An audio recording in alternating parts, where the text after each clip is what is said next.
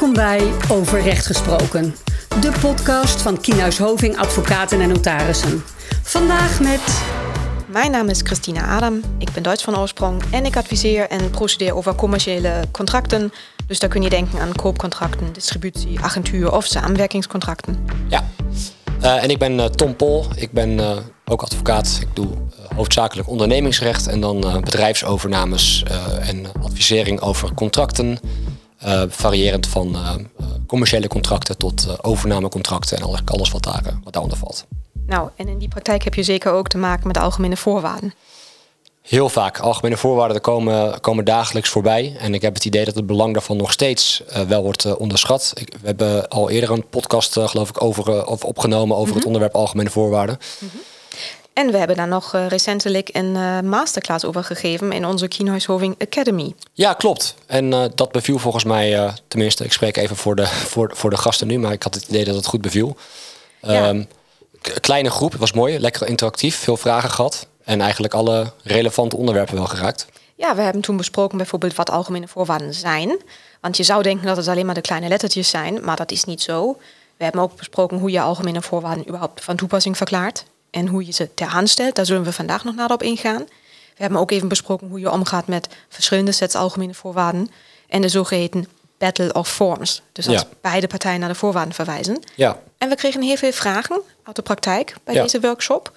Dus uh, het is gewoon een onderwerp dat, dat leeft. Leeft, en, ja, en terecht ook. Want nou ja, ik kan niet vaker nog benadrukken, maar je ziet gewoon echt uh, regelmatig voorbij komen dat uh, ja, een partij toch wel schade geleden heeft, maar dan vervolgens gewoon met lege handen achterblijft door gewoon één zinnetje in de algemene voorwaarden die de aansprakelijkheid uitsluit. En dat is toch wel, dat kan toch wel vergaande gevolgen hebben. Zeker, er staan heel nuttige dingen in de algemene voorwaarden. Maar Tom, lees jij altijd algemene voorwaarden als je een keer ergens bijvoorbeeld een ticket boekt voor een uh, vliegreis? ja, precies. Wil je een eerlijk antwoord of een uh, positief? Uh, nou ja, precies. Um, je doet het waarschijnlijk net zoals ik. Je leest hem niet. Nee, nou ja, goed. Kijk, als je vliegtickets koopt, dan krijg je zes setjes voorwaarden die je moet accept accepteren, volgens mij. Maar ja, in de praktijk leest bijna niemand, niemand die van A tot Z geloof ik door. Je hebt ook geen keuze. Hè? Als je dat vliegticket wilt, moet je de voorwaarden maar accepteren. Precies. Precies. Maar toch kan dat wel consequenties hebben als je die, die voorwaarden niet leest. Zeker. Een paar jaar geleden, dat was best grappig, dat was in Oostenrijk, daar was een festival. En op die festival hebben ze free wifi aangeboden. Ja, gewoon dat je met je telefoon kunt connecten en dan. Uh, Precies, je moest internet. gewoon uh, wifi accepteren en dan moest je de algemene voorwaarden even aanvinken. Ja. En dan kon je gebruik maken van de wifi. En de aanbieder van die wifi die heeft even een grapje uitgehaald. Die heeft namelijk in de voorwaarden gezet. Als je de voorwaarden accepteert, verplicht je je om gedurende de festival de mobiele uh, wc's schoon te maken. Oké. Okay. Dus uh, ik weet niet meer hoeveel precies, maar ik dacht uh, 200 of 300 mensen hebben zich dus verplicht om de wc's schoon te maken. En dit was een grapje van die wifi-aanbieder. En die deed het om te laten zien hoe gevaarlijk het kan zijn als je voorwaarden niet leest. Ja, ja, dat zouden we misschien bij de volgende Academy-sessie die wij over algemene voorwaarden organiseren ook, uh, ook moeten doen. Als Zetten we dat in de voorwaarden? Dat mensen gewoon, uh, weet ik veel... Uh, koffie moeten gaan halen. Koffie moeten gaan halen en zoiets. Ja, precies. En dan kijken of mensen het gelezen hebben achteraf. Gaan we doen. En dan gaan we vervolgens vragen of ze het hebben gelezen. En waar onze koffie is. Ja, maar dat was ook het andere voorbeeld. Hè? Over was een ja. ander land geloof ik, waarin met, met bankvoorwaarden werd, werd gewerkt. En had een klant die had die bankvoorwaarden toegestuurd gekregen van de bank. Ja. En die vervolgens bewerkt. Klopt, want dat voorbeeld van de festival dat was natuurlijk grappig. En niemand zou die mensen verplichten om de wc's schoon te maken. Ja. Maar dat geval was inderdaad zo dat iemand een bankrekening wilde openen. En de bank stuurde de algemene voorwaarden toe. En die meneer zei, hey, daar ben ik niet mee akkoord. Hij heeft vervolgens zelf de voorwaarden aangepast. En heeft daar bijvoorbeeld ingezet dat als hij rood staat, hij geen rente moet betalen. En dat hij ook geen boetes moet betalen. En dat de bank de rekening niet kon opzeggen. Nou, hij heeft het vervolgens teruggestuurd. En de bank heeft gewoon voor akkoord getekend. Ze hebben het niet gelezen. Nou, vervolgens stond die meneer wel rood. Hij had rente moeten betalen en boetes enzovoort. En dat deed hij niet. En de bank stapte naar de rechter. En de rechter zei: Ja, bank, sorry, maar je hebt de voorwaarden niet gelezen. Je hebt ze wel voor akkoord ondertekend. Dus die zijn gewoon geldig. Ja. Dus die meneer die had, die had heel veel mazzel, want hij hoefde geen rente en boetes te betalen. Zou dat hier in Nederland ook zo gaan, denk je? Um, ik kan me wel heel goed voorstellen dat, dat dit ook in Nederland uh, hmm. zo zou kunnen gebeuren. Ja, want ja, als je die voorwaarden gewoon toegestuurd krijgt en je past ze aan en de andere partij die, uh, die protesteert daar verder niet tegen, terwijl ze wel geïnformeerd is. Precies, dan heb je gewoon pech. Want je hoeft voorwaarden niet te lezen uh, om ze te accepteren of van toepassing te, te verklaren te hebben. Ja. nou goed. E- even terug naar deze, deze podcast. Want uh, nou, wat was dus nu de aanleiding voor, voor, voor, deze, voor het onderwerp wat wij gekozen hebben? Dat was het arrest van de, van de Hoge Raad van uit mijn hoofd 11 november. Ja, correct. 11 november 2022. Uh, en dat, dat, dat ging dus dat ging over algemene voorwaarden en dan in het bijzonder over de bekendheidsexceptie. Nou, nu zul je je misschien afvragen, wat is dat, die bekendheidsexceptie? Daar komen we zo meteen op terug, maar uh, in het kort kunnen we alvast aangeven. Um, uit het arrest blijkt dat je uh, eerder gebonden bent aan algemene voorwaarden dan je misschien uh, op basis van het normale juridische kader waarmee je, waarmee te maken hebt zou denken. Precies. Um, wat is dan het normale juridische kader van algemene voorwaarden? Tja, nou ja, dat bestaat zeg maar uit twee stappen. Als, als je algemene voorwaarden wil gebruiken, dan moet je eigenlijk aan twee, twee stappen voldoen. Eh, in de eerste plaats moet je um, ze van toepassing verklaren. Nou, dat is altijd wel redelijk makkelijk. Hè. Je moet alleen zorgen dat je het op tijd doet en dat je het ook wel uh, achteraf aantoonbaar eh, doet, dus liefst schriftelijk. En daarmee bedoelen we dan dat je ergens in je offerte bijvoorbeeld in de zin opneemt op deze offerte en de overeenkomst zijn mijn algemene voorwaarden van toepassing. Dat is voldoende. Precies. Ja. Dus je moet ze duidelijk uh, uiterlijk bijsluiten van de overeenkomst van toepassing verklaren. Precies. En de stap 2 is dan, dat noemen we het ter hand stellen van de voorwaarden. Ja. En wat houdt dat nu in? Nou ja, je, je kunt je voorstellen, je moet aan de andere partij ook wel een redelijke mogelijkheid geven om kennis te nemen van de inhoud van de algemene voorwaarden. Ja. dus eerst verklaar je ze van toepassing en vervolgens zorg je ook dat de andere partij ze kan lezen. Dus je verstrekt ze op de juiste manier. En vaak wordt gezegd, nou ja goed, waarom moet ik ze te aanstellen als mensen ze toch niet gaan lezen? En zijn ze bijvoorbeeld ook van toepassing als ze niet worden gelezen? Nou, daar kunnen we eigenlijk heel simpel zeggen, ja, dat de andere uh, partij de voorwaarden niet leest, dat is zijn eigen probleem. Maar ze blijven gewoon van toepassing. Hij had de mogelijkheid om het te lezen. Dat hij het niet heeft gedaan, oké, maar dat hoeft ook niet. Maar je moet hem wel de mogelijkheid geven om ze te lezen. Ja. Nou, um, nou, stel nou dan, je hebt de eerste stap, dat heb je goed gedaan. Je hebt in je offerte opgenomen, mijn algemene voorwaarden zijn van toepassing. Dat is door die ander ook geaccepteerd. Of hij heeft bijvoorbeeld niet gereageerd, maar in ieder geval dat heb je gedaan. En dan stap 2, het te aanstellen. Ja, dat kan toch wel eens misgaan, zie je in de praktijk. Hè, dat je vergeet om ze bijvoorbeeld mee te sturen.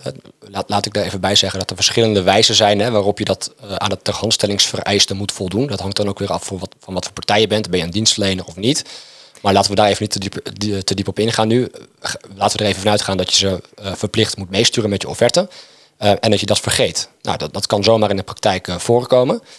Um, wat dan? Wat dan? Nou, in principe gelden de algemene voorwaarden dan wel gewoon. Want je, je hebt ze netjes op tijd van toepassing verklaard. Maar, maar, goed, de andere partij, die kan ze vernietigen. Precies. Wat houdt het in? Het houdt in beginsel in dat die andere partij, die dus de voorwaarden niet heeft ontvangen, zegt: hey, ik heb ze niet kunnen lezen. Ik, ik ken de inhoud niet. Met de inhoud heb ik dus nooit akkoord kunnen, kunnen gaan. Dus ik vernietig hierbij die bepaling uit de voorwaarden of de hele set algemene voorwaarden. En dan heb je ze vernietigd. En laten we zeggen, dan zijn ze gewoon niet van toepassing. Dan zijn ze niet geldig. Ze zijn geen onderdeel van de overeenkomst. Dat kan toch wel een dure fout zijn dus? Oh, zeker. Want in de algemene voorwaarden staan vaak, of eigenlijk altijd, bepalingen over aansprakelijkheid. Ja. Dat je bijvoorbeeld niet aansprakelijk bent voor zogeheten gevolgschade. Daar kunnen we ook een keer een podcast over doen. Goeie. Um, Precies. Maar in ieder geval, als je eigen algemene voorwaarden niet van toepassing zijn, is dat niet zo fijn. Nee. Dat wil je liever niet. Maar, en dan kom ik nu langzaamaan ook bij het, onderwerp. het onderwerp, het arrest van de Hoge Raad van, eh, van 11 november. Uh, ja, stel je nu voor dat je kunt beweren dat de andere partij best wel bekend had kunnen zijn met de inhoud van de algemene voorwaarden, ondanks dat je vergeten bent om ze mee te sturen. Bijvoorbeeld omdat je al eerder zaken met elkaar hebt gedaan en daar heb je de voorwaarden wel toegestuurd. Precies. Nou ja, Um, daar is, uh, is rechtspraak over, er zijn regels over. Um, en de heersende leer is dat uh, op het moment dat de andere partij bekend kan worden geacht te zijn met de inhoud van de algemene voorwaarden, dan is het niet zo'n probleem per se als je vergeet om ze ter hand te stellen. Want ja, de gedachte achter dat ter hand stellen is immers dat de andere partij de kans krijgt om kennis te nemen van de inhoud van de algemene voorwaarden. Ja, en als de andere partij die algemene voorwaarden bijvoorbeeld al in haar bezit heeft, omdat je eerder zaken met elkaar gedaan heeft, ja, dan heeft ze alsnog de kans gehad om kennis te nemen van de algemene voorwaarden. En dat noemen we de bekendheidsexceptie. Bekendheidsexceptie. Precies. En in het verleden is er al, uh, zijn er uitspraken geweest over deze bekendheidsexceptie. dus zoals we uh, net zeiden, als je de voorwaarden al een keertje eerder hebt gehad van je contractpartij, dan kun je daar geen beroep op doen dat je ze niet nu nog een keer hebt gehad. Maar bijvoorbeeld, heel veel algemene voorwaarden staan op de websites van bedrijven. Je Ja. kunt toch dan gewoon googlen, dan heb je ze. Ja, dus stel je voor dat je zegt van nou, ik, ik gebruik eh, branchevoorwaarden. Laat, laten we even eh, op de ICT-branche inzoomen. Daar heb je de NL Digital voorwaarden. Dat is de opvolger van de Nederland ICT-voorwaarden. Maar die worden heel veel gebruikt door heel veel partijen. Dus je kunt je best indenken dat als een partij die NL Digital voorwaarden eh, van toepassing verklaart, maar vergeet om ze op de juiste wijze van toepassing te verklaren of ter hand te stellen, Kan ik ze googlen? Kan dan ik kun je ze ze zo toch gewoon googlen. Ja. Zeker. Ehm, gaat het op, denk je? Ehm, helaas niet.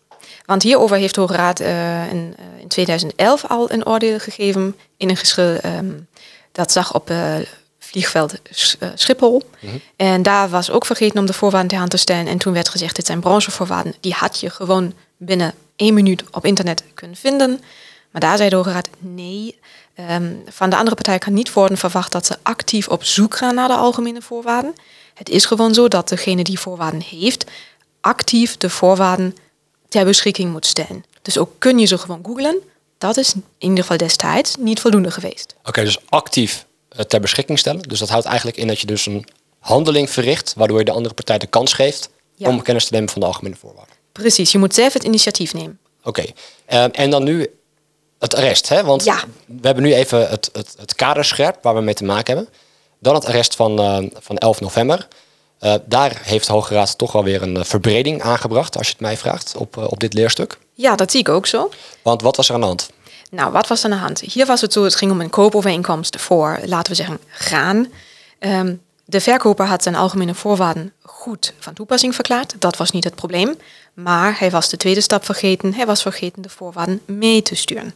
Dus de terhandstelling was fout gegaan. Precies, de handstelling was fout gedaan. Er was een geschil uiteindelijk, ehm nonconformiteit. In ieder geval zegt de, zei de koper, eh, of deed de verkoper een beroep op zijn algemene voorwaarden. En de koper zei, ja, maar die heb je me nooit ter hand gesteld. Die heb ik niet. Ik vernietig de voorwaarden. Ja.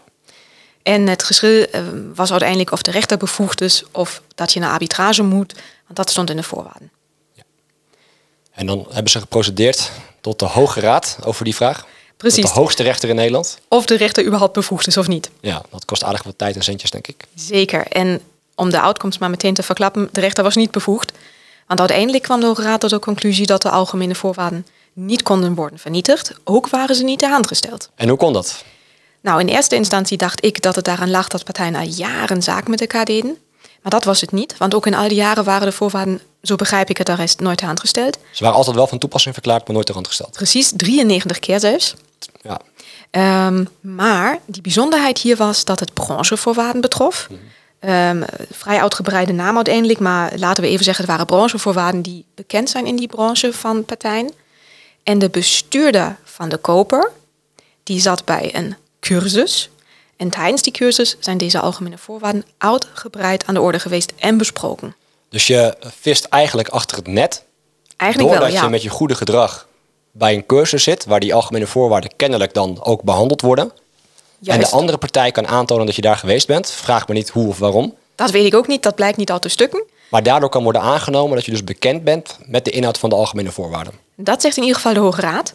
En dat was in deze uitspraak vrij uniek. Want tot die uitspraak eh, werd altijd gezegd... nou ja, degene die de voorwaarden heeft... die moet dus actief iets doen... dat de andere partij kennis neemt van de voorwaarden.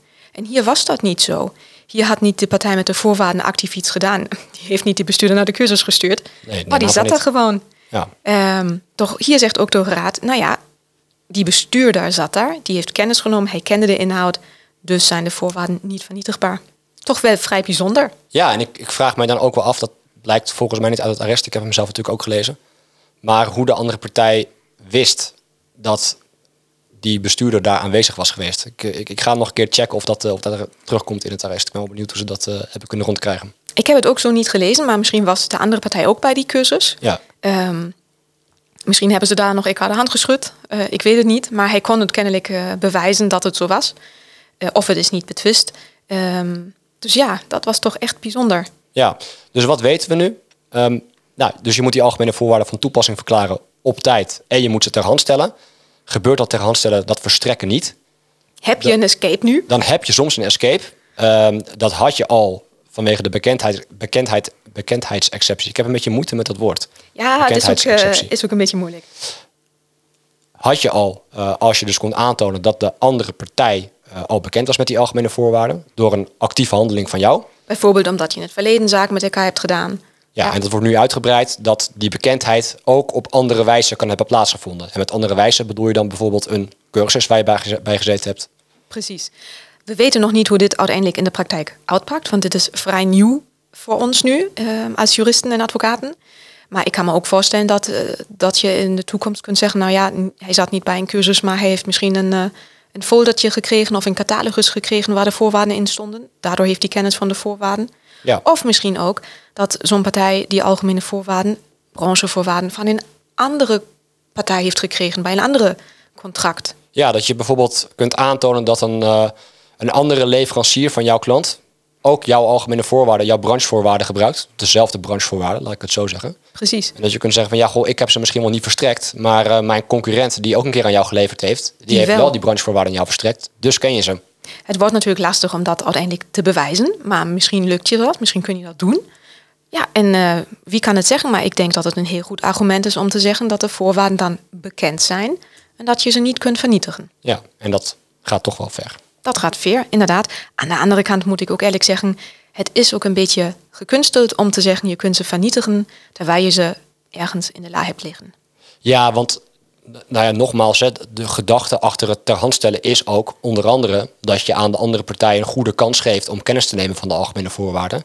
En als aan die gedachte op een andere manier wordt voldaan dan dat jij de algemene voorwaarden zelf verstrekt hebt. Waarom zou je dan nog kunnen zeggen dat, dat je geen kennis had kunnen nemen van de voorwaarden? Ja. Zullen we afronden met een, uh, met een paar tips? Zeker. Ja. Nou, eerste tip is natuurlijk verklaar je voorwaarden van toepassing. Ja, Stap 1. Gebruik het, uh, het systeem uh, wat de wet voorschrijft op de juiste wijze. dus inderdaad van toepassing verklaren en ter hand stellen. En dat ter hand stellen, dat gaven we eerder al even aan in deze podcast. Dat, dat, daar kunnen wat verschillende eisen aan, aan zitten. Maar het, ja, het algemene uitgangspunt is dat je ze meestuurt met je offerte. En dat gaat tegenwoordig vaak digitaal. Gewoon, er wordt een mailtje gestuurd met een pdf, met een offerte. En dan zou ik altijd zeggen, stuur gewoon de voorwaarden in die e-mail mee. Ja, nog een kleine uh, zijopmerking, maar check ook goed de inhoud van je algemene voorwaarden. Want het komt ook nog wel steeds, nog steeds wel voor dat een partij ja, algemene voorwaarden gebruikt die niet goed op, uh, op de business uh, zijn toegesneden. Die ze uitvoeren. Ja, en dan kun je alsnog achter het net vissen, omdat je niet, niets hebt aan de inhoud van je, van je eigen algemene voorwaarden. Precies. Dus dat. En als je een keer vergeet de voorwaarden mee te sturen en daar kom je te laat achter, dus je kunt het niet meer repareren en je wordt hiermee geconfronteerd, ga dan eens goed nadenken of er niet toch nog een escape is, zoals bijvoorbeeld dat iemand bij een cursus zat. Bijvoorbeeld, of dat een, uh, een andere partij diezelfde voorwaarden gebruikt en die ook zaken gedaan heeft met, jou, met jouw klant. Of dat je in het verleden zaken met elkaar hebt gedaan. Nog even terug uh, over de cursus, Christina, die wij laatst gaven. Die was wel een succes volgens mij, de, de algemene voorwaarden cursus. Nou, de, de, deelnemers waren in ieder geval enthousiast. Ja, nou, misschien moeten we die ook nog maar een keer uh, herhalen. Dat nou, kunnen we ik vind het prima. Aankondigen. Volgend jaar in maart, april gaan we hem nog een keer doen. Nou, dat spreken we af. Nou, dan. Bedankt voor het luisteren. En, en tot de volgende keer. Tot de volgende keer. Dit was Overrecht Gesproken, de podcast van Kienhuis Hoving. Heb je vragen of wil je meer informatie? Stuur dan een e-mail naar podcast.kienhuishoving.nl Wil je niets missen? Abonneer je dan op onze podcast via jouw favoriete podcast-app.